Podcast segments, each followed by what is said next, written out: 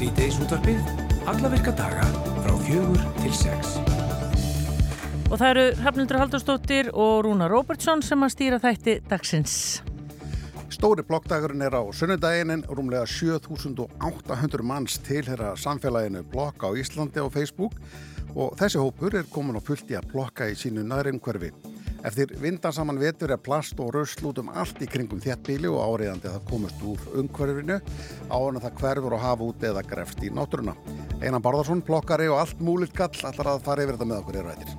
Sanga niðurstöðu þryggjára rannsóknar félagsvísundastofnunar Háskóli Íslands sem unni var fyrir félag lesblindra á Íslandi þá glýma alltaf 20% ungmenna á aldrinum 18 til 24 ára við lesblindu.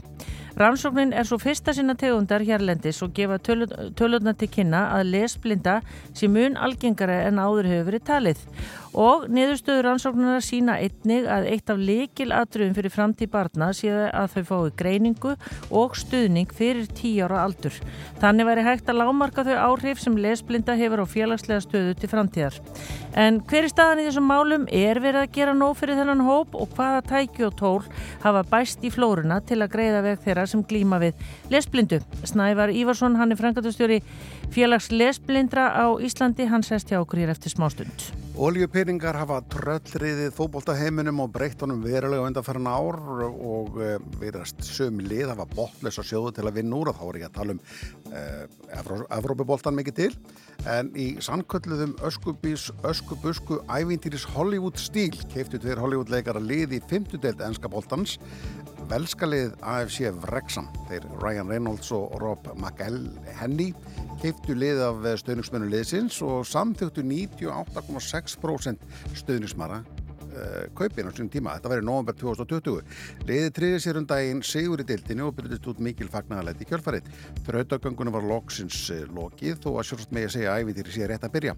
Mattias Freyr Mattiasson hjá fókbólti.nest uh, heillast af liðinu og þessu ævitýri öll og er nú einn helsti stuðningsmaður liðsins hérlendis. Hann kemur til okkar og segir frá ferðsynni á leikmeiliðinu og móttökurnar sem hann fjekk. Karl III verður krýndur konungur Breitlands þann 7. mænastkomandi. Krýningardaginn ber upp á afmælistag Archie sem er barnabatt Karls, sonur uh, Harry og Meghan og það er nú svolítið ótrúlegt að þetta skulle hittast á sama dag. En í tilöfnum þessu þá hafa verið settir á dagskráð þættir um Karl konung og þeir eru nú allir komnir í spilaran á rás, uh, þættir eru fluttir á ráseitt, eru í spilararúf og eru gríðarlega vinsalir og umsjónamaður er Anna Lilja Þóristóttir fréttamaður, hún ætlar að koma til okkar og segja frá. Já, eins og hverju miðugudegi það fá en til okkar áhörfanda sítiðs út af sinns Ragnar Eithásson sem bendir hlustundum á áhugavert efni í kvikmyndahúsum og sjónvarpi og hann verður hjá okkur í lokþáttar. En það er alltaf eitthvað að gerast í Brussel eins og við hefum heyrt síðustu vikundar frá fréttareitara okkar í borginni og um Byrni Malmqvist. Um, síðustu helgi var opnið þar stór og mikið listasýning sem kallast Balkan Traffic og meða listamanna e, sem sína þar er íslensk kona sem er uppröðunlega frá Kosovo. Hún heitir Fitore Ar... Uh, býta nú við Alistóttir, Bersja og hefur búið hér á landi undanferðin ár. Framlag hennar til listasýningarinnar í Brussel var stór og mikil andlitsmynd af konu sem prýðir nú framliðina á Íbúðarhúsi í miðborginni. Okkar maður hitti Fítore einmitt þar á sunnudagin. Fítore, við stöndum hérna við listaverkið þitt sem að var opnað, ef að svo má segja, um helgina. Uh, hvernig kom það til að, að, að, að borgarífuvöld í Brussel báðu þig að mála þessa, þessa mynd á, á þetta hús hérna í bara svona venjulegu hverfi í Brussel? Ég fyrst að byrja í Kosovo uh, síðasta ár. Ég var vinna með, með projekt í stóra listaverk uh, sem femicide against women, Já. the killing of the women. Í svona pandemi uh, tíma fyrir þrjú ár þetta er dáinn og bara dreipast með 25 uh, konur í Kosovo og ég var mjög reið og ég fór til, til ministri í kultúral og þeir bara gefa smá fondspenningar mm -hmm. sem ég gera mjög uh, stór, stóra verk í, í, í Pristina. Í Pristina, já. já. Og þú hefur gert svolítið mikið af svoleiðisverkum í Pristina, eða ekki? Já, já. Ég er bara... Ég byrja 2003 gera listaverk já. í Pristina og á Íslandi og Ástralju, núna í Bryssel. Þetta verk hérna, þetta er stór og mikil mynd af andliti af, af konu, uh, máluð á, á svona gulan grunn á íbúðurhúsi hérna nálagt Namur uh, í Bryssel. Hún er mjög sorgmætt. Þetta er kona sem er, hún, hún er mjög sorgmætt, Já. þessi kona. Þetta er svona uh, bröstnir dreymar og þessi konur er með börn, þessi konur er móður og sýstur og amma og þessi konur var með drauma fyrir líf. Sem að auðvitað ekki að veruleika? E, e bara ekki í, í, í Kosovo og Balkan, bara út um allt. Þetta verk er hluti af, af, af svona listasýningu sem að hér er í gangi og hér verður í gangi sem að kallast Balkan Traffic. Já. Um, segðu mér aðeins frá þessu projekti. Þau bara uh, spyrja mig sem ég er frá Balkan, ég er Kosovar kona og listakona og þau bara spyrja viltu koma til Bryssel presenting Balkan konur mm -hmm. í 2003 mjög orðhauðamikið verk. Já, takk, takk. Mér langar að spyrja þig svona tengingin þín við Ísland. Hver er hún? Ísland er... Um, ég er bara... Ég má segja að Íslandi er hérna í hjarta minn og, og Íslandi þetta var annað líf fyrir mig sem ég flytja frá, frá Kosovo og uh, the healing the healing journey began. Ummitt, nákvæmlega. Ferðalagi til til, til haminginar, til betri helsunar til betri helsu Já, ummitt ég er be betra betra ég er betra kona og betra, betra mamma og dóttir sem ég sem ég bý á Íslandi. Ég er búin að vinna mikið. Ég var með mjög svona um, the system protected me. Já, kerfið. Já, og hjálpa mér mikið. Akkurat. Um, og ég byrja að mála aftur aftur mörg mörg ár ég byrja að mála með art therapy. Takk að kella þið fyrir að tala við mig. Takk fyrir komuna. Þreytir fætur dansa einn við barinn Svona kortir í fyrir þrjú. Og vinkonan er farinn á mín Fyrir aftan með standu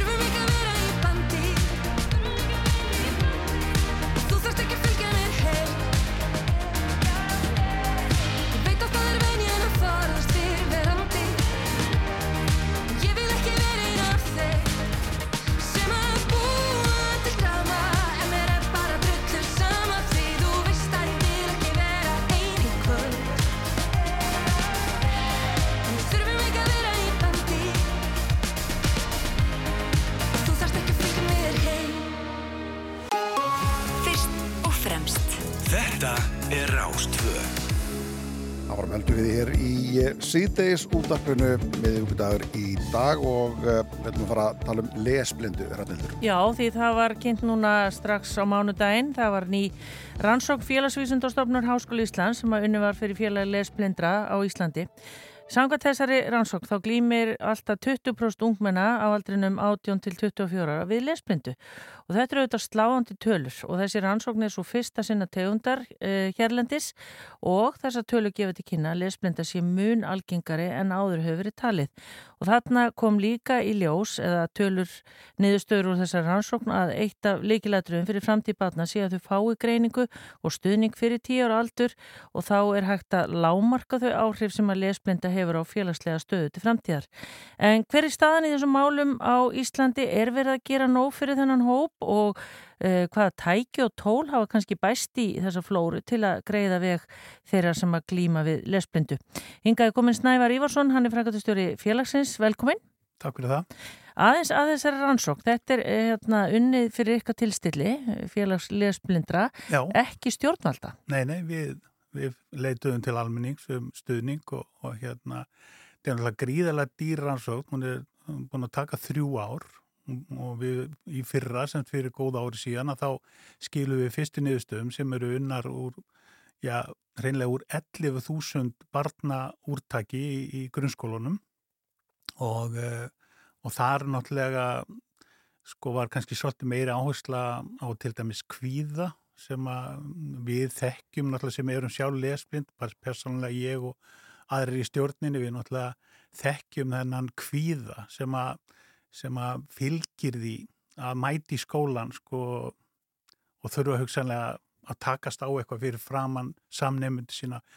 Og ég get bara satt sko stutt frá mér að sko ég mann þegar ég var gauri í skóla og þegar ég náði að klára allt heiman á mig og ég kom svo spenntur í skólan en þá var engin flögg í skólanum og engin sem tók eftir því og ég fekk eins og njóta mín að var ekki eins og tekinu upp. Þannig að allt, öll vinna sem ég lagði í þann dag, sem ég man reynlega eins og hann hefði skið í gær að ég fekk svo engan águst af því, þannig að hérna og við þurfum að leggja miklu miklu meira á okkur Já, en, en sko er ástæði fyrir því að þið eruð að vinna og, og, og fjármagna slíka rannsókn og svona, er, segir það okkur svolítið um bara ástændið eins og er, eru við allt og sofandi gagvart þessu?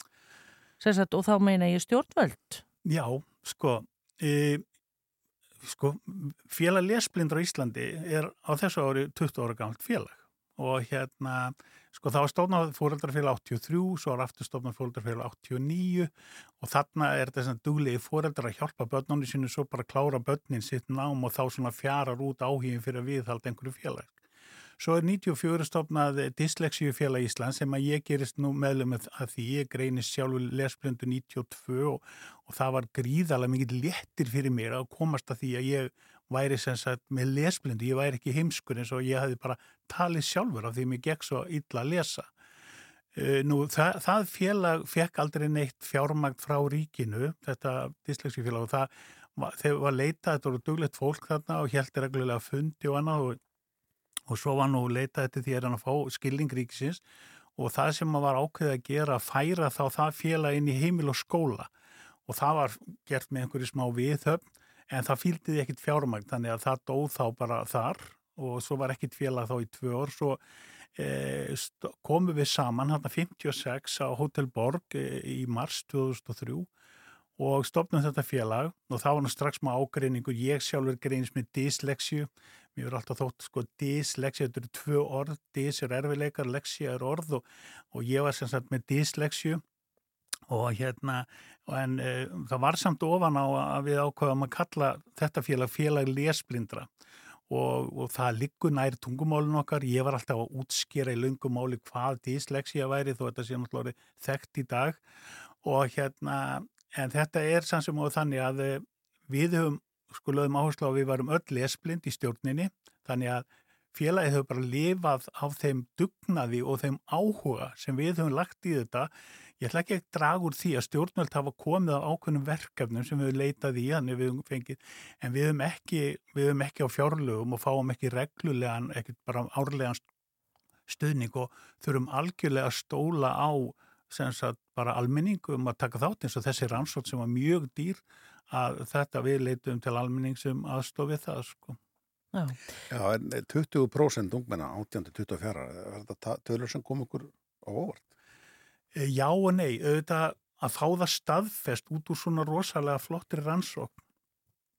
Það, bara, það var hefur bara, ha, já, er, þetta er tilvillið en við erum náttúrulega búin að vera í gegnum árin mjög reglulega inn í skólunum, í heimsóknum þar og, og hérna margi skóla sem, sem beturfer eru mjög opnir fyrir sagt, þessum vandraðum þessara nefnda og vilja koma til móts í hópin og, eh, og þar höfum við alltaf lært þetta að þetta sé mjög nálagt þessu hlutvalli og þetta er lesblinda, hún er mjög breytileg, það er að segja hún er breytileg í hverjum og einum einstaklingu.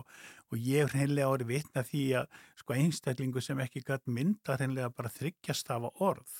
Og, og, og ákveð, þessi ákveðni einstaklingu sem ég er vitni, hún var hreinlega hjálpað í gegnum uh, fjölbyrti ármúla uh, fekk alveg frábæran stuðning. Og, og nú er hann, sagt, er hann mentað nuttar í dag og mjög flinkur á því sviði sko.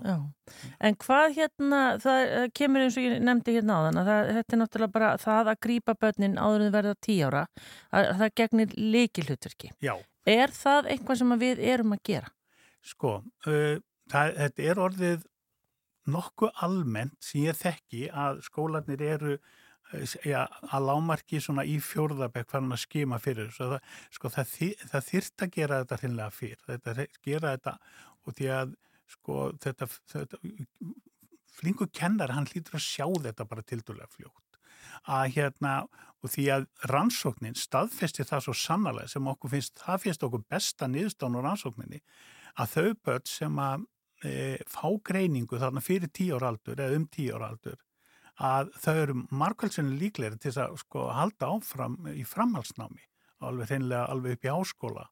Því að sko lesblinda hefur ekkert með greint að gera og þetta, við þurfum bara að gefa okkur grein fyrir því að, að hérna, við þurfum að hafa meira fyrir þessu. Og ég tek svona stutt að dæmis og kom móðir hérna inn á félagi til mér fyrir 2-3 árum síðan. Hún vildi bara borga félaginu fullt af peningum til þess að losa þarna 11 ára gamla sonennar undan þessari ánöðu að vera með lesblindu. Og ég sagði við þessa mömmu og hún þurfti að sjá máli fyrir sig þannig. Þið búið í tíu hæðahúsi, þú tekur alltaf liftuna heim, en strákurðin þarf að taka stígan. Hann kemst heim og hann kemst að heiman, en hann þarf að hafa meira fyrir því. Já. Og það er, það er málið. Við, við getum lært allt, en við þurfum að hafa meira fyrir því. Og ef við fáum þann skilling, veist, og ef við fáum að nota þau tæki sem eru komin í dag, þú veist, að þú veist, þá er ekkert sem stoppar okkur. Nei. En hvaða tæki er þetta sem að, ég menna, ef maður er með grindu með lesblindu, hún læknast ekki, það?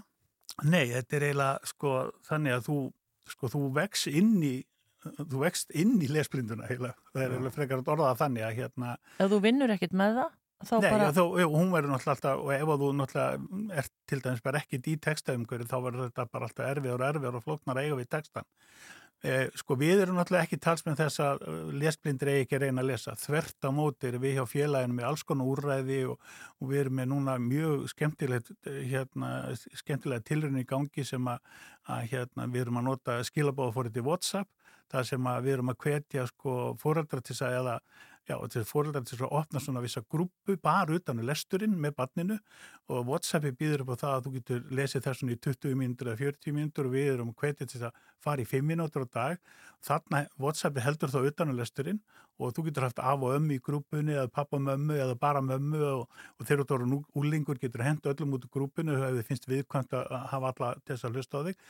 En ég til dæmis, ég á sjálfur lesblindadóttir og hún, hún er að lesa fyrir mig núna, hún er konið í 20 mínútur á dag og í staðin fyrir að við þurftum sjálf að finna eitthvað tíma á deginu til þess að lesa saman að þá bara þegar hún er búin í skólan þá kemur hún heim, sest með sitt Whatsapp stillir á upptökuna og les og tekur svo myndablaðsjónum og svo kemur þetta bara inn í grúpuna og svo er ég annarkot að leiðin heim úr vinnunni eða ég í morgungöngunni minni eða eitthvað, þá er ég að hlusta og svo ef hún er að lesa einhver orð sem eru flókin eða sem hún skilur ekki að þá er hún hreinlega bara inn í lestunum og spyrja pappi hvað þýðir þetta orð? Eitthvað svona. Þannig að, að þetta hefur hjálpað gríðarlega mikið og síðan er náttúrulega náttúrulega hljóðbækur er náttúrulega kannski þekktasta og lausnin fyrir okkur. Og það eru komnir sko mjög flottir talgerrar og komið gríðarlega mikið úrvalag flottum röttum nú og svo nú, með símtækinni getur þú skannað allan texta, þú veist, ef þú með textan á bók, þá ertu bara með símaðin og þú bara skannar textan og hlustar svo á blaðsíðuna og, og þeir eru komin við þess að færni í þessu að þá getur mér þess að verði lesið sko tölverð hraðar en kannski margir aðrir því að þú getur kentir að hlusta bara á margvöldun hraða mm, mm og skemmtileg saga sem sko formaði félags lesblindara, hans orðar oft skemmtilega segir, já ég fóð nú bara á eirónum í gegnum háskólan sko og hérna hlustaði bara. Já því sem var náttúrulega miskils kannski skemmtilega hann hafi verið eitthvað undir einhverjum áhrifum en, en hann sem sagt sá bara, hann var í erfileikum svo sér hann bara einhverja blinda konu og hann fyrir, hvernig getur hún lægur verið í háskóla? Hún er alveg blind, ég hef náttúrulega ekkert að sjónni og þá kemst hann inn í, hjá Hljóðbóksafni Íslands og, og hérna sem hann náttúrulega og þetta á að vera þannig í lögum. Þá er hreinlega gera lög 2006 það sem ætti að vera svona með einstaklingsmiðað nám því miður er klausa fyrir neðan þau lög sem stendur að, sko, að líka svolítið á skólanum og að vinna með það og, og, og, og það er mísjönd eftir skólum hvað eru duglegir við það. En, en hérna ef það er komið til móts við getuna og styrkin að þú veist þá bara auðveldar það okkur gríðalega mikið sko. Rétt bara í lókinsnæma fyrir þá sem er að hlusta og eru mm, grunar að badnið eða jafnvel þeir sjálfur ef að þeir eru fullotnir og hafa ekki enþá unni með þetta hvert er eiginlega fyrsta skrefið hjá fólki? Sko ég veit ekki hvað að segja fyrsta skrefið það er kannski, sko, þetta fyrst svolítið eftir ef, ef þetta eru foreldra badna að þá er náttúrulega bara um að gera leita til félagsins við bjóðum félagsmönnum fría þjónustu. Þú getur komið eh, pantatíma hjá okkur og komið síma og tölvu og við setjum með búnað og kennum náms aðferðir. Og eins ef við umræðum fullorinn einstakling, ég menna, þú veist, þetta er svona, ef þú ert að, sko, því að málið er það að margir halda við hreinlega getum ekki lesið. Það er stóri miskilingurinn. Við getum, við getum lesið, það er bara við lesum svo hægt og við lesum svo vittlust og hérna og ef að þú tekur þig fyrir það, þú ert að lesa einhver texta, þú ert kannski með opna bók og þú þart að lesa eitthvað og svo þegar þú ferð að fletta að þá segir við sjálf að hvað var ég að lesa? Mm. og það er svona fyrstu merki þess að sko, við köllum þetta triggerword, ég lýsir þetta oft í þriðju línu í opninni sko, að þá bara fer hugurinn með það orðnir í bæ og þú fer bara að hugsa eitthvað annað, augun ferðast þetta í textanum og þá þetta að lesa þetta allt aftur. Já. og það er náttúrulega mjög kvimlegt og erfitt að maður þurfa að sko tví lesa eitthvað sem þú þarf og þá er þetta svo erfitt að þú bara svona, þú ferð frá því. Mm. og það er svona um að gera að nýta sér af því, ég segi oft við krakkana í skólunum þegar að ég finn ekki áhuga hjá þeim og segja þetta líka við foreldrarna þegar þau eru svona, ég er að leggja þeim þessi verkværi, þú ert með 200 skrúur í pakka, þú mátt velja annarkot að nota skrújátn eða skrúvél, hvort vilur þau það er engin ennþá valið að skrúa 200 skrúur með skrújárni það sé allir ég myndi velja skrúvélina og það eru þessi lausnir og þessi verkværi sem við erum að setja í hendurnar á, á lesblindum einstælingum í dag mm. og bara um að gera nýta þau tæki. Svona kannski áður á hættum vorum að ræða saman hérna áður að fara með loftið og mér langar svolítið að það fari í loftið sem þú saðir varandi því ég spurði hvað er lesblind að það sé af hverju er svona hluti af fólki sem að á erfitt með text en aðrir eitthvað auðvöld með Já, eh, sko, það er búið að rannsaka lesblindu gríðalega mikið og sko lestur skeður í vinstra heilakvillinu og eh, hérna þeir sem hefur öðvöld með það, þeir fara bara beint að vinna með vinstra heilakvillinu og græja textanis ekkert mál. Við aftur um að sem er grein með lesblindu, við erum með ráðandi hægra heilakvillinu þar sem við greinum sko form og liti og tónlist og, og, og þrývít og annað, þannig að hérna þegar við förum að lesa að þá tökum við textan inn í hægra heilakvillið og þurfum svo að vinna hann yfir í það vinstra og þar, þar er það sem skeður að það verður þetta úrfallega þessi, þessi mis, einhver, einhvers konar miskilingur þannig að þess vegna lesum við svo oft, við lesum svo vittlust sem er svo erfitt og hérna þannig að, að við fáum textaskilabóð og við lesum það vittlust og vinnum vittlust með sem er náttúrulega mjög, mjög, mjög niðurbrot í því sko. Mm. Allar nánar upplýsingar vantilega hjá félaginu, Snævar Ívarsson, það mun ekki stoppa símin á næstunni en það er kannski það besta við þetta og, og hérna minnum á þessa rannsóknu þetta sjá neðustöðuna bæði hjá ykkur og inn á vef félagsvísundastofnur. En takk fyrir komuna í síteðis útvarpið Snævar Ívarsson, frangatustjóri félagsleisblindra. Takk fyrir mig. Þetta er Rástvö. Fyrst og fremst með þér. Veðurhorfur næsta sólaringin. Eh, norðlag eða austlag áttir í til 10 metrar á sekundur líkur á snjókomið að slitti með köplum og sunnan uh, á köplum sunnan og vestalans en uh, söðvestalans ætla ég að segja en sittir upp þar senda morgun það var nú bara snjókvöld falla í borgin í dag það er bara þannig. Lítið sattar jél á norðaustaverðlandinu en léski að norðvestan til og híti 0-5 stegi við daginn og viða nætur frost e, viður horfur á landinu næstu daga norðlægar og auðslægar áttir úrkomi lítið á landinu og bjart með köplum fremur kallt í veðri hlýna með sunnanátt og rigningu fyrir miðanasti viku Já, Hvernig viðra segir á plokkdægin sem er á sundagin? Já, meinar. Jújú, jú, þetta er fínasta við erum, það er sól og stórun hluta landsins. Já og ekkert sem ekki segir okkur það að við getum ekki farið út að plokka. Nei, nákvæmlega. Og að eh, ég veit að forrætnastum stóra plokkdægin eh, hér eftir eh, smá stund fyrst Madonna, eða ekki, hérna eitt Madonnulag lega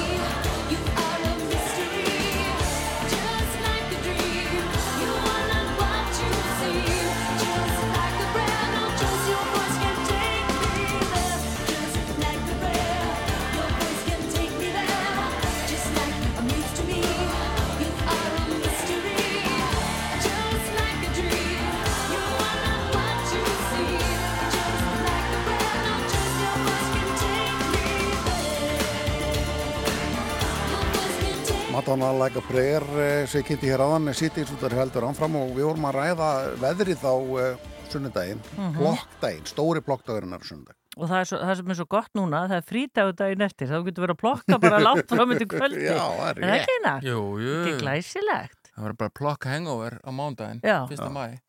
Og bara staulast í gönguna, sko, fyrsta mæ. Einmitt. En ég held ég hafa aldrei séð eins mikið drasli og dóti út um allt. Er það sennilega bara því ég er búin að vera að hugsa um Já, plokkdaginn, þá sér maður þetta. þetta er svolítið svo leiðis, en það er hins vegar, það er ekki ástæða að lausu að dagurinn er þessu tímabili, þetta er náttúrulega eins og allt sem ég gerir algjörlega en sko, fyrsta lagi er náttúrulega allir snjóra að fara og það er svona, það er litleysi yfir náttúrunni, það er ekki komin, það er ekki komin, eh, sko, það er ekki komin grænt í kinnanar þannig að, þannig að, og það er ekki komin tré og, nei, hérna tré, það er ekki komin hérna löflið á tréin.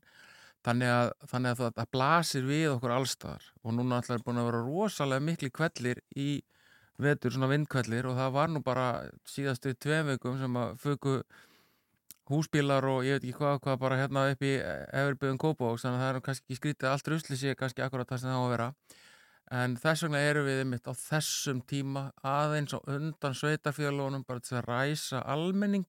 Þannig að almenningur sé að þú veist að svona láta sér þetta varða og þetta í gang og svo taka yfirleitt sko sveitafélun við með sínar vikur og þá svona helst þetta í hendur.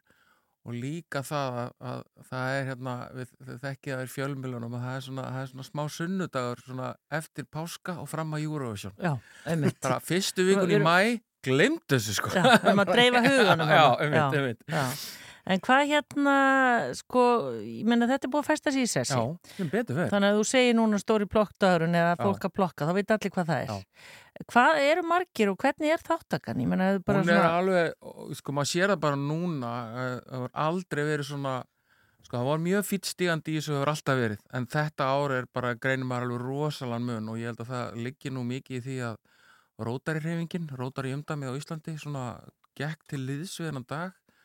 Mikil svona umhverfis áhersla í þeirra starfsemi og ég er sjálfur í rótari klúb hérna í, á höfbúkarsvæðinu og við rættum þetta og hugsaum að þetta getur verið svona skemmtilegt verkefni fyrir reyfingun að koma inn í. Og núna er þess að og það fælst í því að það er svona, svona, svona stöðvastjórar í, í hverjum klúbi um all land sem eru, eru búin að vera undirbúið þetta og eru búin að vera að tala við sín sveitafélag um svæði og, og svona stuðning frá sveitafélagin í formi þess að koma með kannski gáma eða eitthvað undir þetta allt saman þannig að það er svona stó, stór reyfing þegar svona stór reyfing eins og þetta með svona rosalega velvilju og flottu fólki inni fer á stað þá finnum maður alveg, þetta er bara svona, já, wow, ok, veist, það var að vera að kveika stóru hreflunum, sko.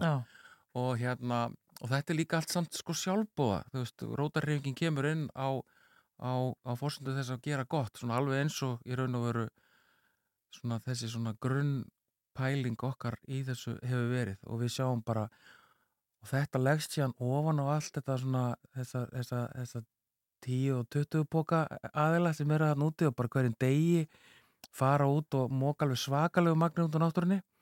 Þannig að, þannig að, þannig að núna ég bara man ekki eftir ég hafa séð svona mikið af litlum viðbörðum mert deginum bara nokkuð tíman og ég sé að það er alveg bara það eru lítil sveitafjölu, það eru stór sveitafjölu það eru, eru hverfafjölu og, og það er bara það er, það er bara að mókast inn og þegar maður sér eins og orkustöðarnar, hérna, bensinstöðarnar bjóðu upp á, eh, á gáma til að taka móti blokki, krónan eh, og þetta er allt bara sjálfsbrotti á þeim. Þú sér þess plokkurnar eru til sölu í bara öllum daguruvöslunum og öllum byggingavuruvöslunum það sem hefur verið hægt að fá þar en, en bara að því að draumurinn minn þegar ég byrjaði þetta var að veist, þetta á bara að vera svo júruvarsund mm. þetta er bara svona bara helgin og all familjan kemur í tvo tími í þetta og svo bara grilla og gaman en ég sé bara þegar, allt samfélagi verður bara búið að egna sér þetta og tekur þetta bara úr höndunum á manni og gerir þetta sínu þá er þetta orðið málið og mér finnst við vera að koma svolítið saman þangað Já. Já, ég er að sjá hérna inn á, á síðinu plokk á Íslandi það sem að e, hér segir við göngusistur þjófstöðartöf í dag og Já, já. plokkum í Efra Breiðaldi og, og afraksturinn- sjáðu magni á myndin Ég ætlaði að mynda að nefna það, það eru hann hvað eru, eru átta Já. og all, sko, hver við með tvo stóra ruslaboka, Já. fulla af rusli og það sé að, sko, þó að það sé búin að vera að plokka núna í eina klukkstund Já, nóg ef vera til. brjóðaldi, það er að En einar sko Efra breiðaltu er ekki búið. Nei, og, en einar maður getur bara farið sjálfur út með pókan og maður þarf ekki að taka þátt í ykkur skipulöðu verkefni. En ef að maður ætla allmis bara fjölskyldan eða eitthvað að gera þetta þannig með skipulöðum hætti, Já. hvað má þá gera? Sko það er búið gaman að búa til smá viðbur á Facebook þó að sé bara eina fjölskyldunar og stilla þessu upp og, og merkja þetta deginum. Uh, merki dagsins er bara inn á blog.is sem er allir notaða uh, helst í þessum tilgangi náttúrulega og það eina sem að fólk þarf í raun og vera að gera er að vera með glæra plastboka það, svo, það hjálpar allir keðjunni. Ef þú ert með glæra plastboka þá máttu skila þeim inn til sorpu á þess að, á þess að það sé tekið urðunagjald fyrir þetta. Auðvitað er það ekki stórmál fyrir einhvern einn en þegar, þegar kannski heilt hverfi kemur með með heila kerru þá, þá, auðvitað, þá, er það mjög vinsamlegt af sorpu að, að taka þetta og örða þetta fyrir okkur án, án eldu gjáls og þá eina sem við þurfum að gera er að, er að blokka í klæra póka Og, og sortira, eða?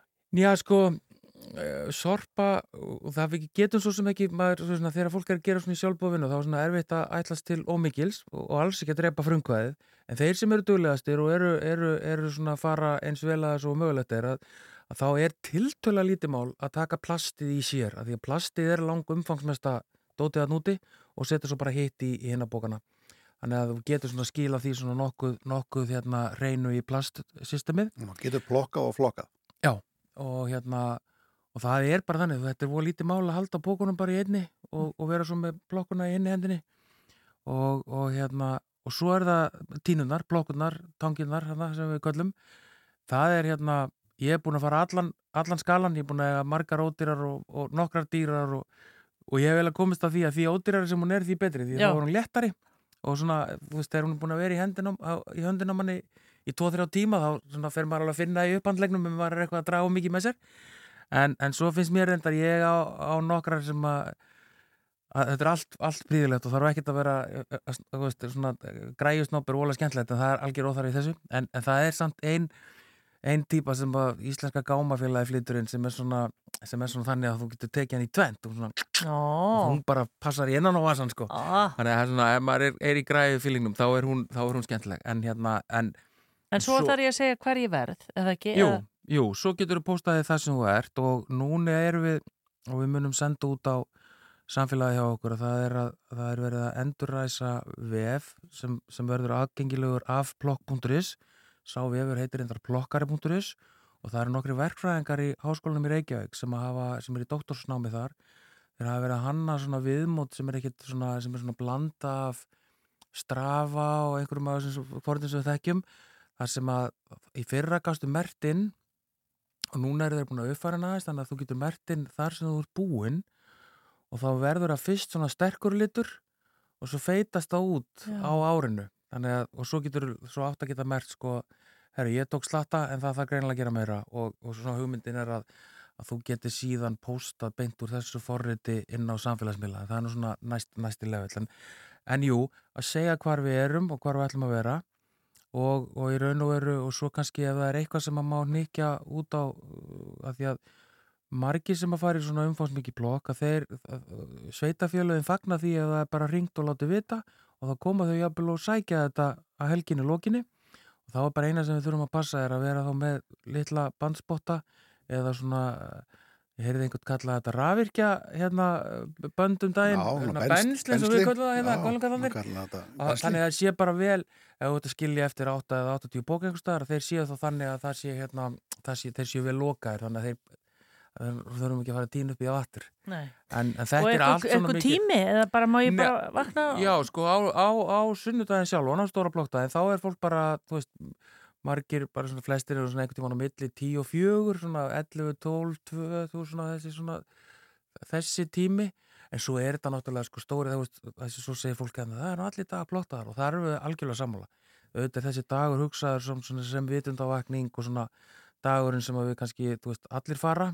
En, en svo er þetta náttúrulega líka kvartning fyrir okkur mm. bara að vera svona þess að varbergi um, umhverfið. Já, þú vil líka vera að benda fólki á sem fer í þetta að vera ekki náttúrulega umfæra göttunum eða hugsaður ekki það eins. Já, já, sko, þú veist, vegagerðin strángtiltekið er með samninga um, um hyrðingu á, á þessum stóru hérna, umfæra mannvirkjum.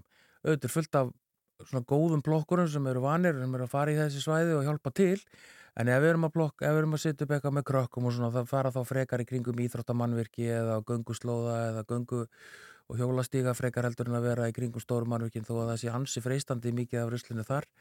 En, en, en ætlum við eins og á, á sunnudaginn hjá þar sem við ætlum að vera, við ætlum að hittast nokkri garbæðingar í klubnum hjá okkur að, taka hérna e, vývilstaði yfir á IKEA og þá, þá stillum við þannig upp að krakkarnir verði í göngustígunum og inn í rauninu en, en það fara svona fullondu fara í fara og auðvitað veri, veri í örgisvestum þeir sem eru, mm. eru nála svona.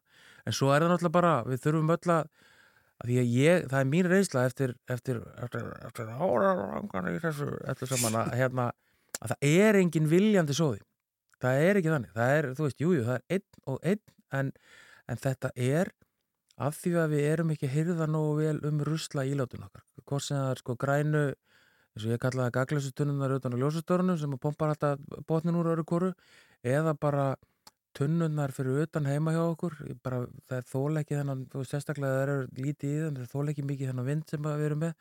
Og ég bara skora á heimil og vinnustæði að ganga eins vel frá þessum ílátum hvort sem það eru léttar venjulega tunnur eða hvort það eru þessi léttu gámar sem eru utan, fyrir utan margar margar hérna, mörg fjölbílun og svona að bara að ganga frá þessu þannig að þetta sé minna fjúka. Ég er búin að vera með þegjur heimi á mér. Já, já á lókinu. Já. já, það er mjög snuðut. Mm.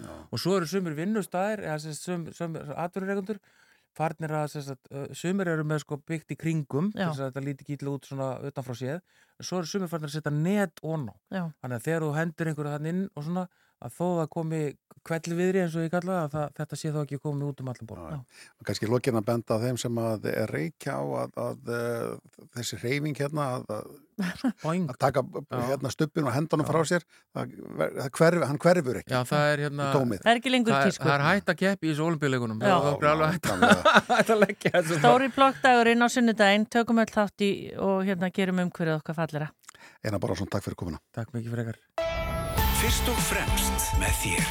Við erum Rástfö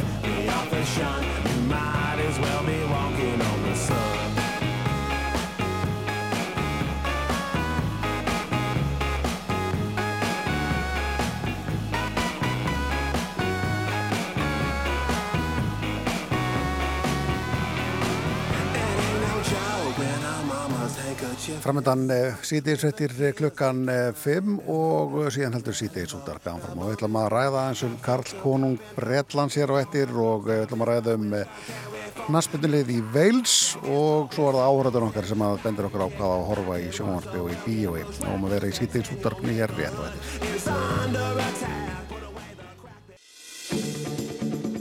Þú ert að hlusta á síðdeis útvarfið á Rástvö.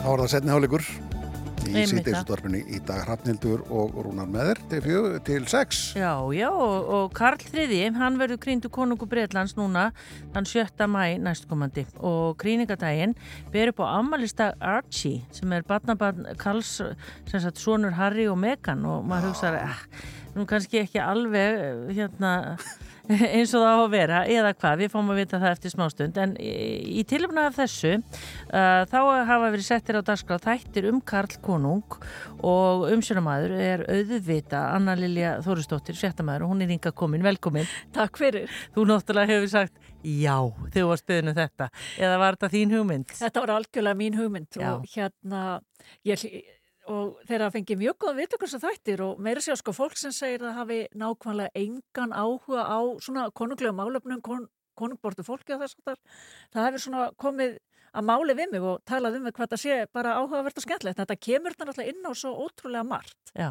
er, ertu sem sagt að kynna hann bara, uh, hvernig byggir þetta upp?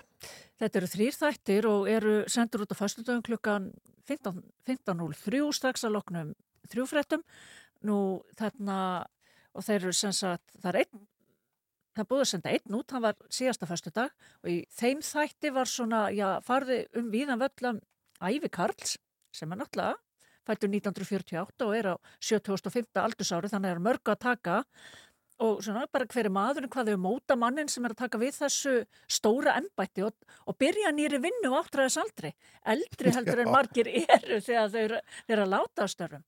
Og svo í þætti tvö sem verður núna á föstudaginn, þar verður farið svona yfir krýningar aðtöfnuna sem er, verður núna 7. mæ. Þú veist, hvað er það? Ég menna, akkur er verið að standi því að vera með formlega krýningar aðtöfn, sko, þetta er eina konungsfjölskyldan í Evrópu sem er ennþá með formlega aðtöfn við valdaskipti. Já. Og svo í síðasta þættinu sem verður daginn fyrir kríninguna, þar sé að þáttunum verður 5. mæ, þá verður svona velt vöngum yfir hvað býður Karls í, á konungstóli, hver er hans helstu áskoranir, við vitum jú það hefur náttúrulega heilmikið gengið á í engalífinu, samskipti við Harry Sónans, nú svo er það Andrés, bróðir hans, og svo þarna, já, það er bara erfitt ástand í Breitlandi, verbolga í hæstu hæðum, það er stríð í Evrópu og já, það er raunin svona við, viðfangsefni síðasta þáttarins. Já, en er það eitthvað sem að hann er eitthvað að velta fyrir sér? Stríð í Evrópu, verbolga, verbolga kannski? Við skulum rétt, rétt vonað að hann velti fyrir sér, þess að hann er, jú, þarna situr þarna konungstóli þó sem vissuleg ekki kjörinn, þá skulum við rétt vona að sé svona í einhverjum tengslu við samfélagið. Já, við vonum það. Það virðist vera það. Já, já. En, ég menna, hvað sagði hann? Áttræður? 75. 75 ára, áttræðsaldri. Verður 75, já. setna í ár. Já, erum við að, hvernig er heilsan á hann? Já, það var ekki, ekki borist spurnir af neina öðru en hún sé bara góð. Það við aldur og fyrir störf. Ömmitt. Eða að heyra hérna smá brot úr, úr þáttunum bara áður um við tölum svo uh, bara meira aðeins um, um Kalla, eða Karl og, og fjölskyldina. Við skulum heyra hérna smá brot uh, úr þessum þáttum.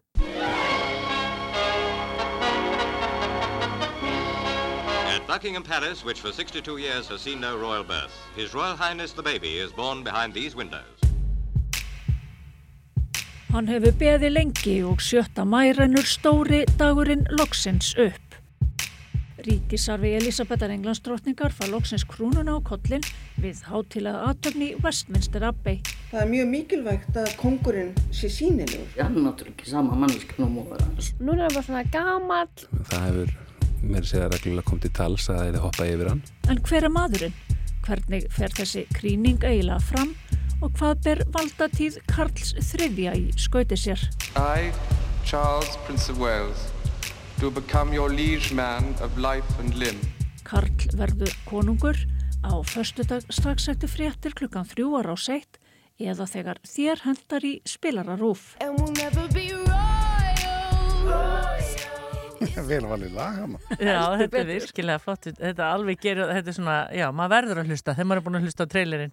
Já, er það ekki bara? Jú, já. Föstu dagar eru konunglegir dagar Já. þessa dagana. Já, en hérna, sko, það er búið að býða, hann er búin að býða ótrúlega lengi eftir því að verða konungur. Maður hugsaði Elisabeth sem að var náttúrulega bara háöldruð og hérna þannig að hann lítur að vera ótrúlega spenntur fyrir þessu. Hann ætti að vera það. Hann náttúrulega, jú, er els, sá elsti sem hefur sest á valdastól í Bretlandi og sko hann satt náttúrulega ekki dauðum höndum sem prinsina Wales var hann mjög aktífur í mörgmál til sín taka og eitt af því sem hann gerði í þessari prins tíð sinni sem varði bísna lengi það var að rauninni svolítið svona nútímavæða. Konungs, konungsfjölskylduna þarf að segja til dæmis að fækka þeim fjölskyldumelmum sem eru á framfæri breskra skattborgara af því að sko fram að því það voru já fjarskildir ættingar einhverjir sko hérna þrýmenningar, þrýmenningar Elisabethar eða eitthvað álíka sko á bara góðum launum bara eiginlega fyrir að vera til en það búið að sko þrengja þennan hóp mjög og það er svona hor, svolítið hort til þess að hann muni halda áfram á þessari braut núna þegar hann ræður öllu og er ekki að spyrja mömmu sína og muni nútíma væði þetta enn frekar Já. en ég held að sko uh, að nútíma væði eitthvað gott og gild, gild en ég held að megi ekki ganga of langt í þessum efnum eða þar segja það þurfa að feta svona einhverja fína línu því að eitt af því sem heillar mörg okkar við þetta það er hvað það er allar þessar hefðir og hvað þetta rauninni er svona kannski frábröð okkar daglega lífi það má ekki taka það allt í burtu Nei. Þetta er líka mm, stór mál bara fyrir etnarslífið í, Breitlandi það þarf að brenda nýja peninga með vindámón og slá myndir og allavegna. Og kaffibóllana og allt þetta. Jú, jú, það er alveg rétt. En það hefur nú komið fram að sko, eins og til dæmis margar opinbara byggingar í landinu eru mertar með skjaldarmerki Elisabethar. Ég, ég hef nokkið séð neði merki þess að það sé farið að rífa það niður og auðvitað vera peningasellanir áfram í gildi og allt það, en kannski bara næstu prentun. Það þýrstu nú sem er að prenta fleiri sela, þá mun Karl príða þá og það byrjaði að slá myndir, eða mann rétt, með andliti Karls. En jú, jú, þetta kostar og það hefur verið gaggrínt, það hefur verið hérna uh, Guardian, The Guardian sem breska dagblæði var með heilmikla úttekt núna dögunum um fjármál konusfjölskyldinu og hvað hún kostaði breska skattborgar. Og þau eru eiga náttúrulega líka, þau eru vell auðug sjálf, eiga mikið persónlegan auð og þau, því var gerð mjög góð skilið þessar úttekt. En þau skila líka heilmiklu í þjóðabúið Já. Eins og því, þú varst að tala um bollana og allt það, þetta, það er fólk sem kaupir þetta. Já, krýningadagurinn, þetta- hann ber upp á ammælistag Archie sem er sem sagt Barnabat Karls og sonur Harry og Meghan. Það er svolítið svona, já, hvað ég var að segja, þetta er auðvitað, það er aldrei sérst að þau ætla ekki að koma eða, eða hvernig er það? Já, Harry mun koma. Harry mun koma. Já, og hérna það kom í ljós núna, allir ekki svona tvær viku síðan að Harry myndi koma við kríninguna, Megan kemur ekki og skýringin sem gefin er að þetta sé ammælistagur Archies eh, sem, en að því sögðið, vissulega var að hægt að halda upp að barnaamæli hvar sem er í heiminu, þá eru örgulega pláss fyrir eina slíka veistlu í Buckingham Hall. Já, en þú ert- ertu búin að heyra það allra nýjasta, hvernig, af því, sko, ég er búin að lesa bókina, hans Harry, og hann talar nokkuð vel um pappa sinn í bókinni. Hann hlýfir honum. Já. Já, en hérna, hann gerir það og hérna svona dregur upp þá mynda manni sem hafi bara staðið eftir svolítið ráðalösa, hann er þarna einstæðafaðir með tvo drengi á viðkvæm aldri og hérna fær kannski raunist lítinn stuðning bara frá sínu nánustu og svona reynir sitt besta í fóldra hlutverkinu og tekst ekkert sjálfa vel upp. Harry talar um í þessari bók sem vart að vísa í að hann hefði já, skort svona hlýju og ást og umhyggjur. Rétt eins og Karl sjálfur hefur sagt að hans æska hafi verið. En jú, hann, já, hann svona, já, hann hlýfi pappa sínum, svona meða við marga aðra úr fjölskyldunni. Já, en heldur að þeir séu nánir? Veistu það? Ég held ekki mér, hérna, ég er ekki vissum að séu mikil samskipti þarna á milli, sko, það sem Harry gerði í bókinni The Spare sem kom út núna í janúar, þar eh, fer hann ekkert sjálf fögrum orðum um eiginkonu Karls.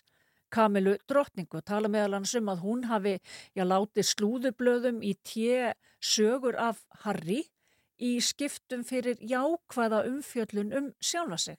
Og ég eh, tel að Karl taki þessu ekkit sjálfa vel. Þarna verða ráðast á já, konuna sem hann hefur elskað allt sitt líf og ég held að hann, já, hann vil örgla fyrirgefa og ég held að þessi nýji brettakonungu vilji gjarnan hafa fjölskylduna samin eða allt það en ég held að þetta hafi verið svolítið þungtök. Já.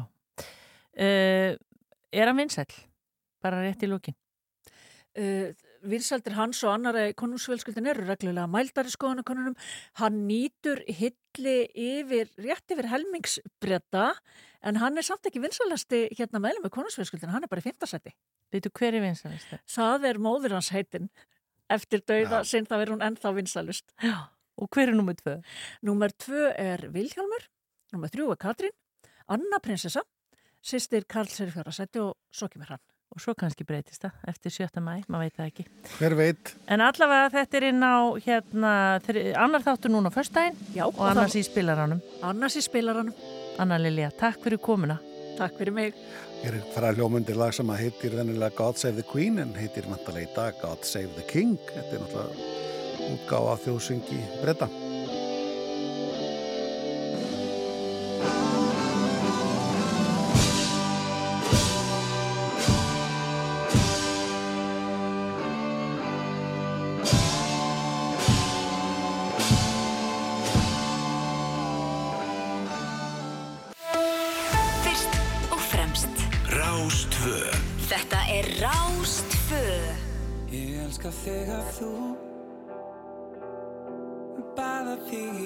Aðtikli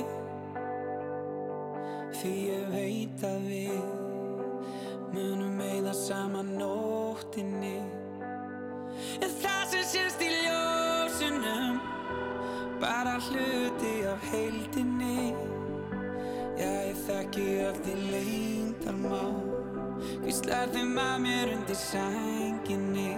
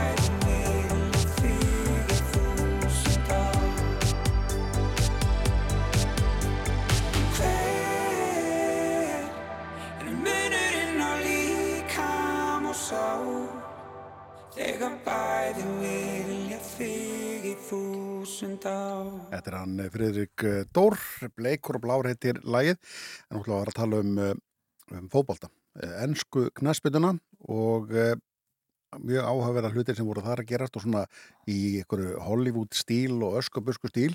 En við höfum tekið eftir í áhuga fólkum um ennsku knaspituna og bara svona knaspitnu í, í Evrópu svolítið að oljupinningatir hafa svolítið tröllriðið öllu þarna og, og sömi lið hafa botleis og sjóðu til að vinna úr en svo kemur svona sangallað öskubusku ævintýri frá Wales þegar að tveir Hollywoodleikarar, Ryan Reynolds og Rob McElhenney sem að keiftu liðið af stundnismjöruliðsins og maður held nú að það er einhverja mótbárur við því í svona litlu samfélagi svo var Exam er en 98,6% samþyktu þessu kaupera Já, og, og þeir eru að dæla ást... penningum að inn Já og það voru þetta ástæð fyrir því keiftu þetta lið, er það ekki?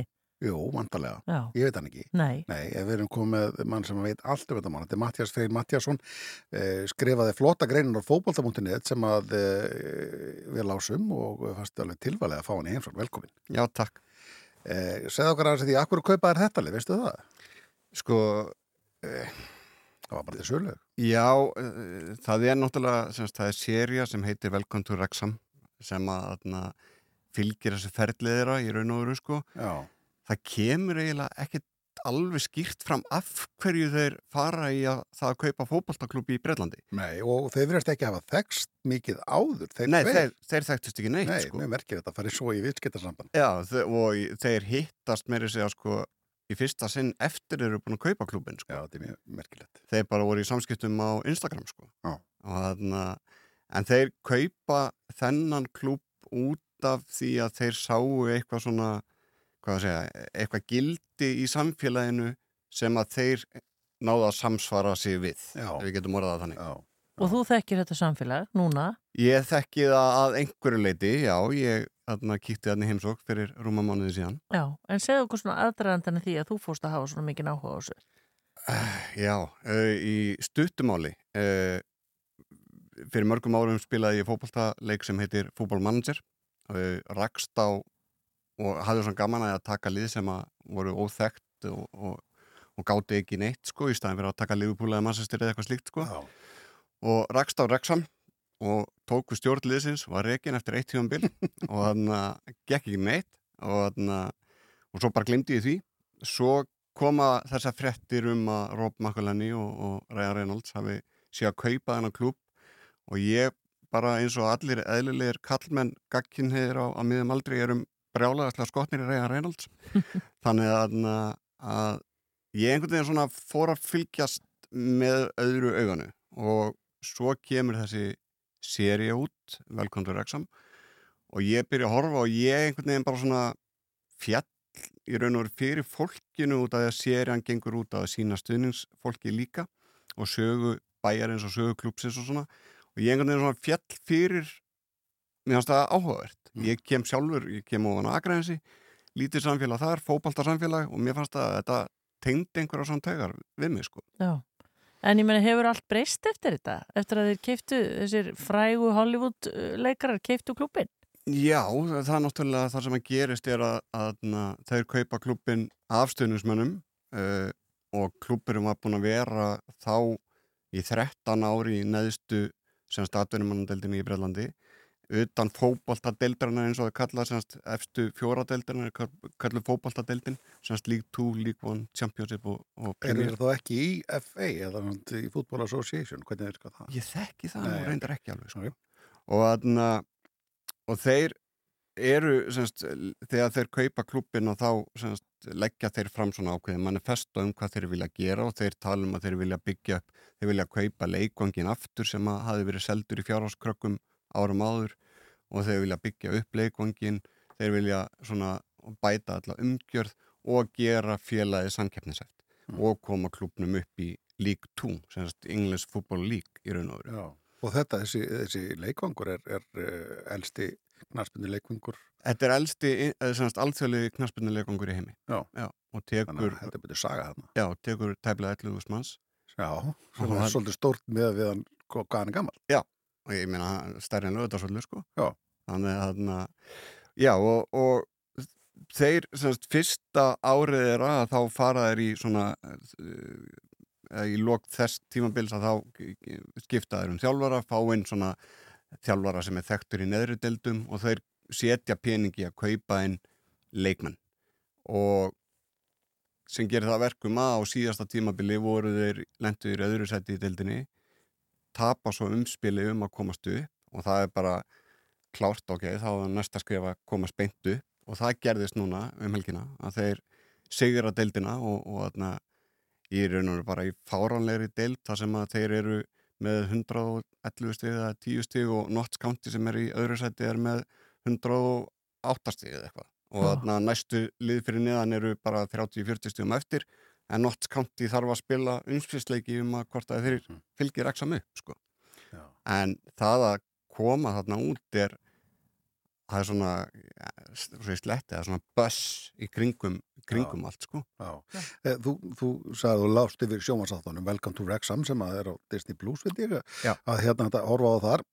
Og hérna svo þegar þú ákveður að, að, að fara hann út úr endar stopnar hann einhvern Twitter-hópið þegar ekki, einhvern svona stuðnismannafélag á Íslandi, en Jú. svo farðu bara hetjarnar úr sjónvastáttunum við raunverulega til þess að já, þú kemst í samband allan við hérna, einn af þeim sem að er áberandi í þáttunum er bara eigandinn hann, Já. Körf Sko ég, ég, ég áða til að vera kvartvís og þarna fylgi og er virkur á Twitter og tók eftir að var búið að stopna alls konar Rexham Kanada, Rexham Singapúr, Rexham alls konar sko Já. og það var ekkert Rexham á Íslandi. Nei. Þannig að ég er bara svona, á ok, ég stopna bara Rexham Icelandic Supporters Club Mm. Twitter síðu. ég ætla að taka það fram nefnilega að ég komst ekki að því fyrir en eftir á. Það er uh, manneskja sem að íslensk kona Svava Rán, held ég hún heiti, sem að bjó um tíma í Rexham og var ársmiðahafi og er, sko, hún er miklu heitari stuðningsmæði Rexham heldur en ég, sko. Já. En aðna, já, ég sto, stopnaði þessa Twitter síðu og í kjölfarið fer ég að fá skilabóð bara frá fólki bæði sem sagt í Bandaríkjónum og í Kanada og, og í Rexham um, bara er frábært að Íslendinga séu að fylgjast með liðun okkar, gegja það eitthvað og svo kemur upp þessi hugmyndum að fara út á leik og ég set það út á síðuna, Twitter síðuna að við séum að fara, að ætlum að séum að koma. Og þá aðna, svo ég geri langarsögust utta að aðna, daginn áður en við förum út að þá er ég að spyrjast fyrir um hvaða hvað er, hvernig er auðveldast að komast niður til Raksam á ég að taka leigubíl eða rútu Já, eða já, lest eða hvernig það er svona? Já, þeirra fljúa mannsistir Já, fljúa mannsistir sko og þá hefur hann Vein sem er eigandi The Turf sem er barinn bara fyrir utan leikvangin og er eins og þú sagðir eina aðalpersonum í, í seríunni. Sendi mér bara skilabóð og bara eru hvenna lendið segja hann hvenna við lendum? Að, hvaða terminal? Segja hann það, er ég kem og sækja ykkur. Nei, hættu. ég, er bara svona ha ok, þetta er ekki svolítið svona full mikið vesi fyrir tvo Íslandinga við getum alveg retta okkur, nei, nei, ekkert vesen ég kem bara að sækja ykkur. Og það reyndar fór þannig að, að félagjan sem býr í mannsistér pikka okkur upp á flugullurum og kerða okkur niður til Chester sem er næsta svona sveitafélag við Rexham og Vein kom og sótt okkur í Rexham og kerði okkur niður til Rexham og kerði okkur um bæinn, síndi okkur um bæinn og, og, og, og hvert við ættum að fara og hvar verður helstu staðinir og kerði okkur svo á hótelið og, og þarna, svo hittu hann á, á barnum þegar við vorum búin að koma okkur fyrir sko. Já, hérna. Er þetta stór, uh, hversu stórt bæjarfélag er þetta? Mér skilst að það séu 60.000 manns inn í Raksam Já. og svo svona utanliggjandi Erum við að, tala um hvað, Kópavog? Skirka? í, Já, eitthvað, allan svona Já, það ekki? Jú, ég held að þessi 50.000 Já, Já, um þetta, Já. aðeins þeirra kannski. En hva, hvert er svo næsta skref? Nú eru þeir komnir upp og það er meiri sér og svo á að gera aðra serju, er það já, ekki? það er ö- önnur seria í Ert þú gangi ekki að leika í henni bara? Eh, sko, ég var beðin um að taka þátt Já. eh, framleiðendur höfðu samband við mig í gegnum Twitter síðuna og það var bara eh, í raun og veru uh, það stemd ekki tímaprogrammi við þegar við vorum úti við, við náðum ekki að hittast. Nei. og þarna svo sem græta ekkert, ég græt miklu meira að Ryan Reynolds var ekki á staðnum, hann var tveim ykkur setna sko. En, en planið er fyrst erum við komnir upp mig langar rosalega mikið til að, að ná að fara á leik helst fyrsta leikin í lík 2 sko. Þannig að playið að Íslandi er vill byggðað mér til mannsistir, það er alveg til að taka það sko. Já. en það væri drömmin það var að- að að minnstakosti að ná einum leik þarna úti á næsta tjómbili mm. þegar ég held að þetta lið þetta er ekki að fara að vera í fallbaráttu í lík 2 sko Er, er, þetta, er þetta það gott lið að þeir, þeir, hafa styrta það mikið að það ætti að vera í baráttu í næstu deildfrúan? ég hugsa sko þeir ættu að minnstakosti liði sem að vann sem stelda National League í fyrra þeir eru í umspilsbaróttu núna í í deildinu fyrir ofan Já. um að komast upp í lík 1 uh, reksa með betra lið Já, ok. þannig að, að þú veist ef þeir með réttri styrkingu og, og eitthvað svoleiðis þá að þá ættu þeir alveg að geta náða að geta ágætis árangri sko. Já, já. Þeir kaupa hann að leikmann sem að ég hef aldrei hirt um til dæmis eh, og orðuglega fáir, en hann skora bara eins og engi sem morgundagur. Hann Pól Málin. Super Pól Málin, ótrúlegur. Hann, eh, hann er búin að skora 38 mörg í 46 leikjum eða eitthvað í deildinni sko. Hann, hann er rosalega sko. Hann, en hann var svona, þegar þeir kaupa hana, þá var hann svona prúven eða svona reyndur markaskorar í, í þessum neðri deildum í Berlandi sko. Já, en þetta er, hann er, ég held að hann sé ég veit ekki, alveg, mann ekki alveg hvað hann er gamall Nei. en hann er stórkurslur og það sást bara í leiknum um helgina hann, hann skora tvö mörg og annar marki er bara úr, úr efstu hillu sko. Já, það er ekki þannig Vá. Þetta er bara eins og ég segi, mér finnst þetta eins og legasaga. Þetta er eins og legasaga. Já, þetta er eins og legasaga. Þetta er svona öskubusku æfintir algjört og, Já. og, og þá náttúrulega vel við hæfið að það séu Hollywood-leikararnir sem, að- sem að stýra því svolítið, að gera þetta. Þeir náttúrulega búa það líka til með þessum þáttum. Já, þeir náttúrulega sko, Ryan Reynolds er náttúrulega hann er gríðalega mikill businessmaður, hann er í alls konar æmintýrum búin að átti gín fyrirtæki og, og, og ég veit ekki hvað hvað og hefur náttúrulega, og þeir eru báðir virkir á samfélagsmiðlum Mm. þeir eru rosa virkir á Twitter og þarna, bara í gær Rob Markle henni er að sagt, eh, ég veit ekki hvert við veitum hver Gareth Bale er sem er fyrirvændi Jú. ve velskur landslýsmaður í jú. og að, spilaði fyrir Real Madrid sko, hann er hætti, hætti eftir í fyrra eða eitthvað Já, til að spila golf Já, til að spila golf og Rob Markle henni var að segja við hann á Twitter gær hvort hann var ekki til að koma að spila fyrir Röksam sko. Já. Þannig að þeir eru að nota samfélagsmiðlana sína á rosalega sniðuðan hátt sko. Mm. og, þarna, og eru mjög opnir og eru, þú veist, þeir þeir mæta á leiki reglulega. Ryan er vís búin að kaupa sér hús bara rétt fyrir utan Röksam og er skils mér að fara að flytja þangað og þeir eru, þeir ætla að byggja upp Mm.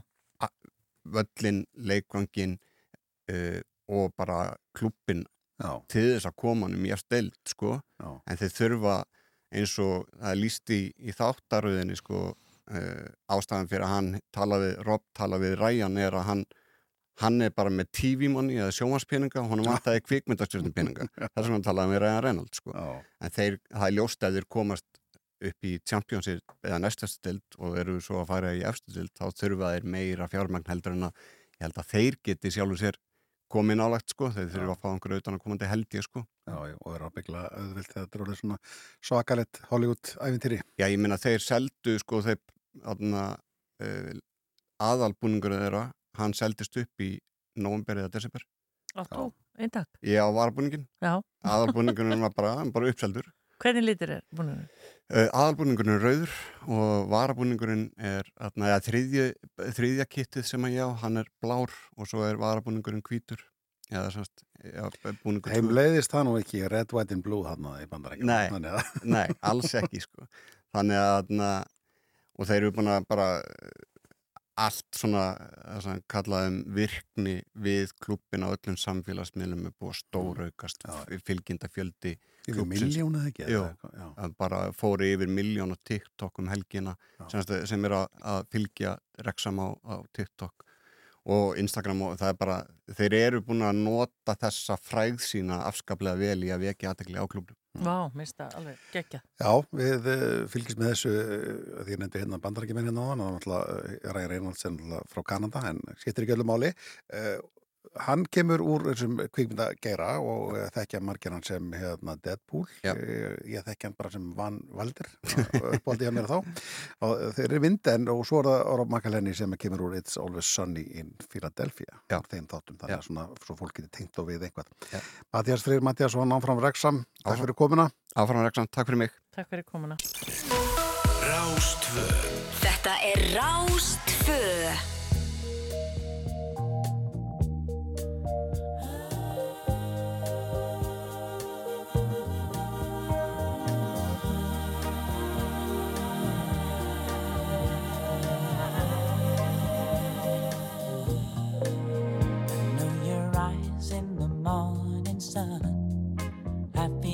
touch me in the pouring rain. And the moment that you want.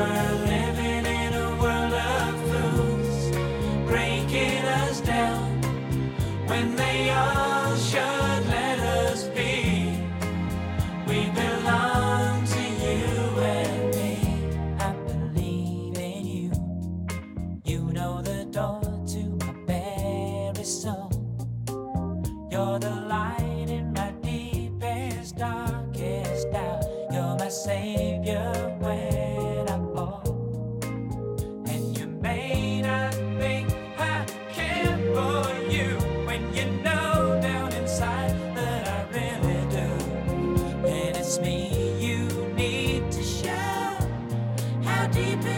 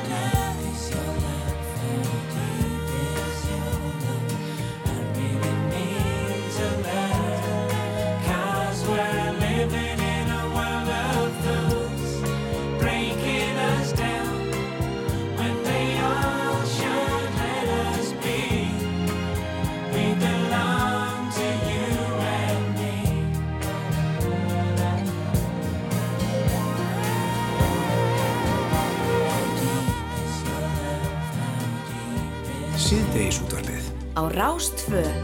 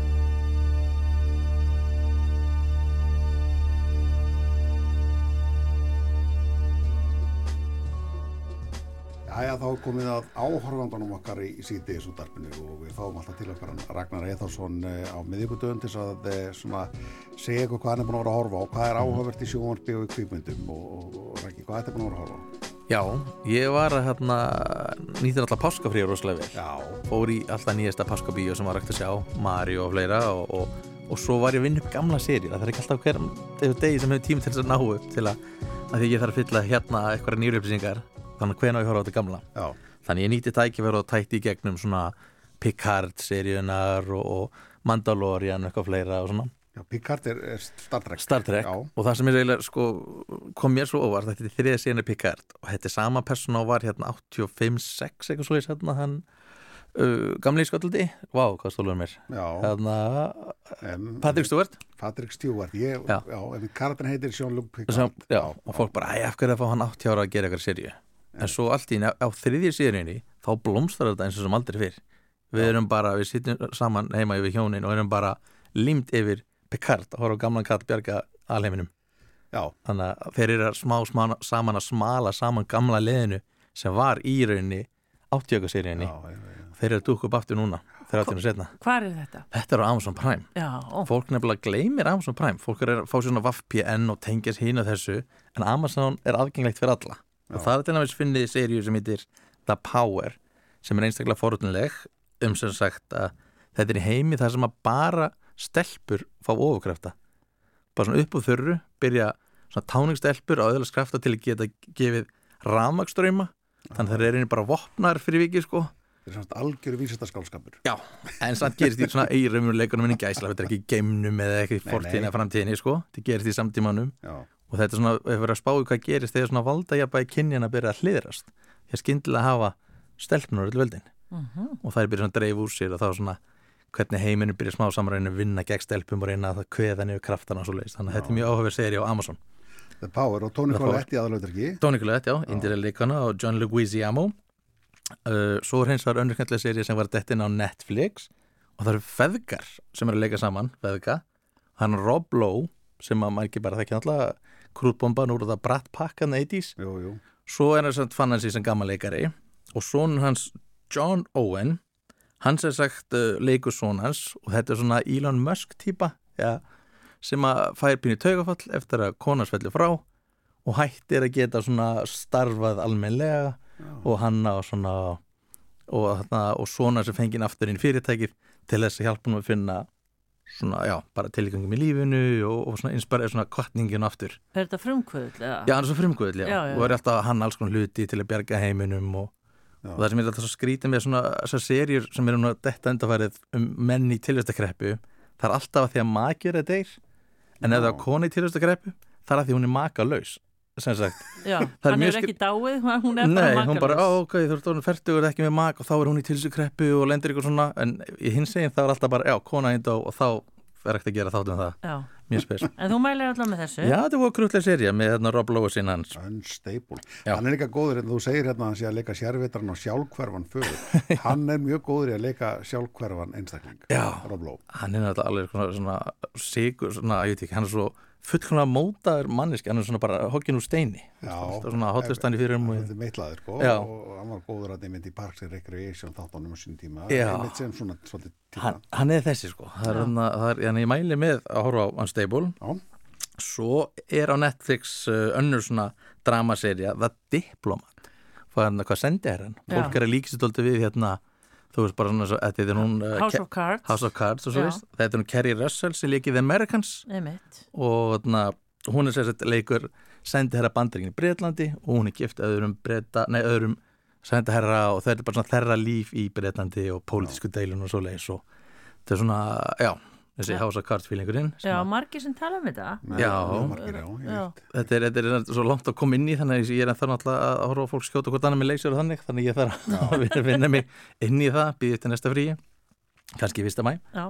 og svo þegar maður að vafra streymisveitanar áfram þá er Disney komið kom algjörlega óvart með að bjóða upp á True Lies uh, sjónvarseri muni eftir bíómyndinni með Arnold Schwarzenegger Já. sem James Cameron gerði Mhm. hann sem sagt á einhverjum ástæðum seldi réttin til Disney til að búi til uh, leikna seri um True Lies og það er bara að byrja á grunnum það er kona sem að finnst maðurinn sinni eitthvað mjög skrítinn og er hann, er hann halda fram í sér sér eða hvað hann er að gera og hún byrja að eld- elta hann um slóðir og kemst að því hann er alþjóðlegu njósnari Já. og svo er þetta bara sami hasar eins og, og True Lies bíómyndi var Vá, þetta er eitthvað fyrir mig Já, ekki? Jú. Já, nefnir ekki alveg sem er stærðagráð og bíómyndi var og það var alveg stóru á sínum tíma Jamie Lee Curtis Já, Jamie Lee Curtis, já, rétt.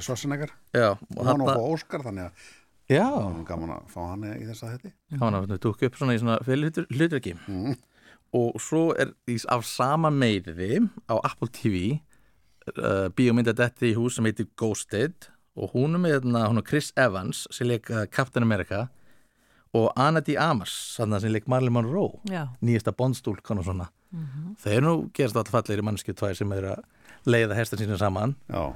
og þar er hann einhver svona bóndastrákur í Ameríku sem að felli fyrir stelpu sem er hann að guttfalleg og svo heitir hann að heiti Ghosted sem því er einu hunsun hún, hún hunsar öll skilibóðan hans og allt svo leiðis og hann snáka bara það leita hann uppi og, og finna hann nægst þar í Breitlandi og hún er líka alþjóðlega njósnari. Já.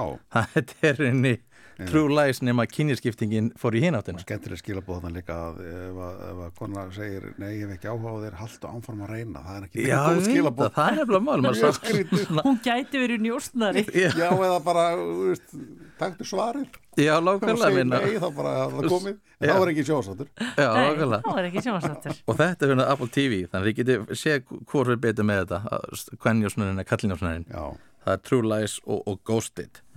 Og svo langum að enda sem sagt af því að það er svona áhugaður myndir að koma í sumar. En á morgun og bara á morgun eru tvær æðislega myndir. Þar annars vegar er Smára Bíó með Close Encounters of the Third Kind. Steven Spielberg myndin. Fagna 40 ára og 5 ára ammali og þetta er hérna hún kom held ég bara sama ára á Star Wars en náði ekki alveg sama flugi. En hún er alveg indislega, þetta er mynd sem að verður að sjá í bíó. Já. Og hún er að keppa við The Rock. Með, með Sean Connery og Nicolas Cage.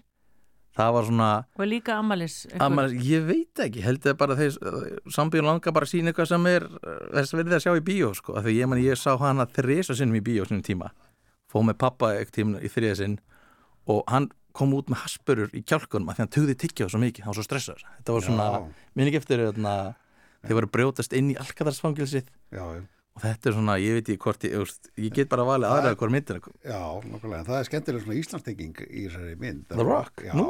já, já, allan að eftir mínum áraðlega heimildum að þá er, það er sena þarna sem að uh, flaugarnar sem eru þeir skotið fara yfir leikvanga sem er í gangi leikur hjá San Francisco 49ers eða eitthvað slíkt. Já, nákvæmlega. og uh, þar voru Íslendingar að, á leiknum, þeir tók eitthvað þóttunum að var að fljúa sig yfir og var þeir að taka, skjóta þetta. Þannig að það eru Íslendingar á vellinum að það neðan. Já, ok. Það gaman að svona Já, já. tengingum. Þetta er í bíómorgu þannig að maður verður bara að gera uglasata á kvisti. Hvora Já, myndir að maður ætla að sjá?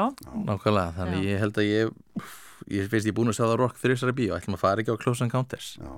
Við langar að svona í lokin bæta við einu hérna af, af stöð 2 plus Nú, já. sem að hérna, það er eh, fjórða sýri að koma að stað í þáttur sem heita Barry og hérna eru á HBO frábæra þettir Eru þið komnir, ok, það er frábært. Ég ætla einmitt að minnast á því þeir eru að samlega Succession, fjórða seri og fjórða seri Já, já, já. og stöð 2 sem sagt sem misti réttan af HBO er greinlega samt ennþá með Greinlega réttan af þessum tveimur frábæri það sko. að hérna og maður býður eftir að geta hámhort þetta þannig að maður er ekki búin að sjá þess að þetta þrjá sem eru komnir Hvað heita þessi seri? Barry. Barry, um leigumóningjan Barry sem að fellur fyrir leiklistar uh, áhuga. Já, og, hver, gengur erfilega að hætta að vera já, og, og hvað það eru að reyna að vera góða leikari sko. Drama og grín. Ég er að segja ykkur, ég má ekkert Nei, vera mátt að ég ekkert vera í vera vinnunni. Ég þarf bara að fara að horfa þetta allt saman. En Raki, takk fyrir þetta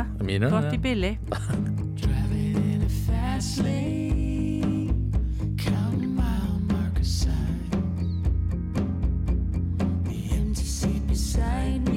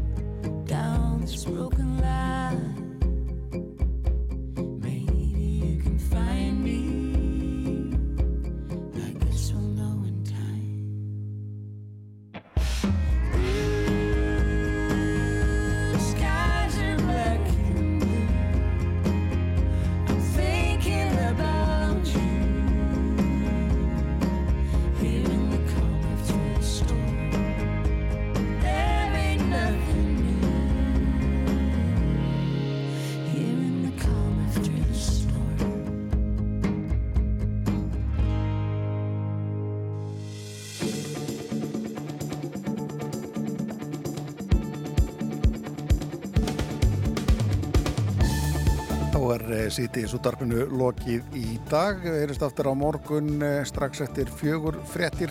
Rúnar Róbesson og Hrafnundur Haldardóttir taka fyrir sig í dag. Fórum við víða völl og allt saman komið á netið hjá okkur á rúf.is. Fórum við verið blokkið og ennst fókbaltalið og ég veit ekki hvað og hvað. Ég minn þetta í gangi. Takk fyrir í dag.